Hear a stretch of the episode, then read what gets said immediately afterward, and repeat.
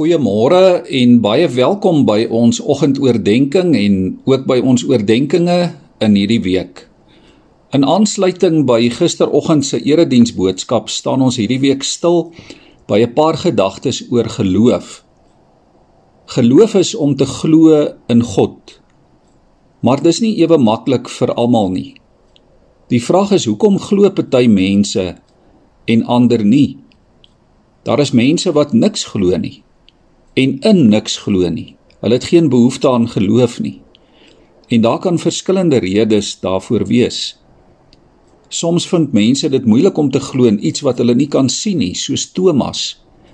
Hy het vir Jesus tydens die kruisiging gesien. Dalk het hy ook gesien toe Jesus begrawe is.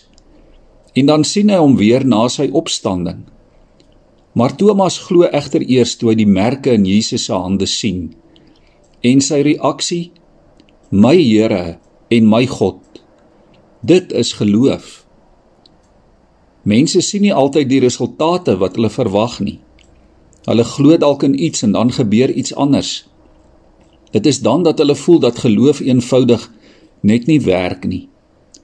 Sommige mense voel niks gebeur as hulle nie glo nie. Waarom dan nog probeer glo? Soms word mense seergemaak of teleurgestel deur gelowiges En dan beland die hele kwessie van geloof in die weegskaal. Dit kan ook wees dat ons soms verkeerd of vir die verkeerde redes glo. Ons motiewe is dalk verkeerd. Of dalk dink jy dat geloof jou op een of ander manier moet bevoordeel of dat dit 'n soort status simbool kan wees. Waaraan hou jy op die oomblik vanmôre in jou lewe in geloof vas? Is dit waaraan jy vashou dalk net tot jou eie voordeel? Is dit dalk tot voordeel van ander, van die mense rondom jou? Of dalk tot nadeel van hulle? Het dit waaraan jy in geloof vashou enige ewigheidswaarde? In Hebreërs 11 lees ons: Om te glo is om seker te wees van die dinge wat ons hoop, om oortuig te wees van die dinge wat ons nie kan sien nie. Dit is immers van wie hulle geloof dat daar oor die mense van die ou tyd met soveel lof getuig is. Omdat ons glo, weet ons dat die wêreld deur die woord van God geskep is. Die sigbare dinge, dis nie ontstaan uit iets wat ons kan sien nie. Omdat Abel geglo het, het hy 'n beter offer aan God gebring as Kain. Vanweë Abel se geloof het hy van God bevestiging ontvang dat hy 'n opregte man is want God het sy offers aangeneem. Omdat Henog geglo het, is hy weggeneem sonder dat hy gesterf het en hy was nêrens te vind nie, omdat God hom weggeneem het. Van hom word getuig dat hy voordat hy weggeneem is geleef het soos God dit wou. As 'n mens nie glo nie, is dit onmoontlik om te doen wat God wil. Wie tot God nader moet glo dat hy bestaan en dat hy die wat hom soek beloon. Omdat Noag geglo het, het hy God gehoorsaam toe hy gewaarsku is oor dinge wat nog nie gesien kon word nie. Daarom het hy die ark gebou om sy huisgesin te red. Sy geloof was 'n veroordeling van die wêreld, maar dit het hom erfgenaam gemaak van die vryspraak wat deur die geloof kom. Omdat Abraham geglo het, het hy gehoor gegee toe God hom geroep het om weg te trek na die plek toe wat hy as erfdeel sou ontvang. Hy het weggetrek sonder om te weet waar hy sou uitkom.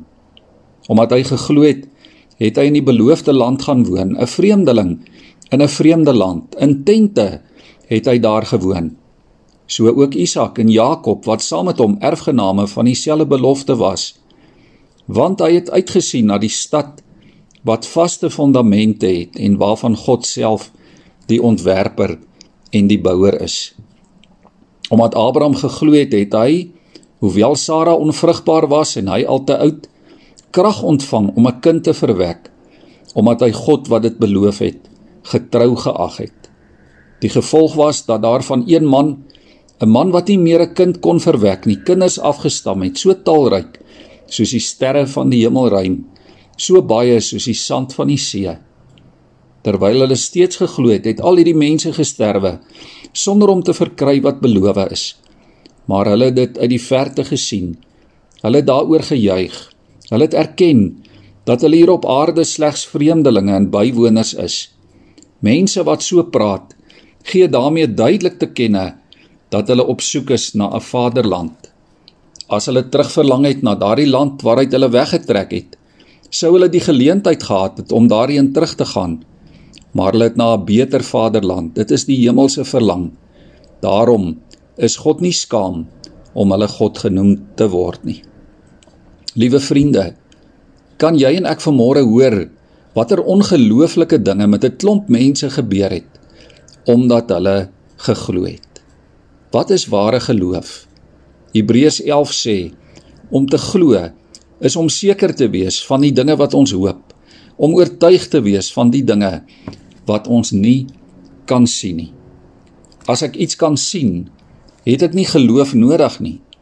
Dan raak geloof irrelevant. Ware geloof in God is om roekeloos te vertrou.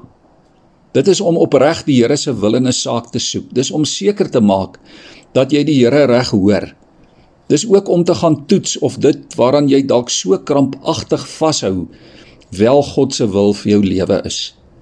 Ware geloof is om te vertrou dat God se wil geskied sonder jou eie inmenging. Ware geloof is om die antwoord wat God gee onvoorwaardelik te aanvaar. Dit is om God ten volle te vertrou al is die uitkoms dalk anders as wat jy gedink het. Ware geloof is om God te vertrou dat hy groot goed deur jou kan doen. Ware geloof is om die woord van God ten volle met alles wat daarin is te aanvaar. Veral die verlossingsboodskap van Jesus, van sy goedheid, sy lewe, die maagtelike geboorte, sy sterwe, die kruisiging, sy opstanding en hemelvaart. En dit is net moontlik deur die Heilige Gees. Kom ons bid saam. Here, ons kom vra U vanmôre om U Gees vir ons te gee sodat ons geloof kan hê. Amen.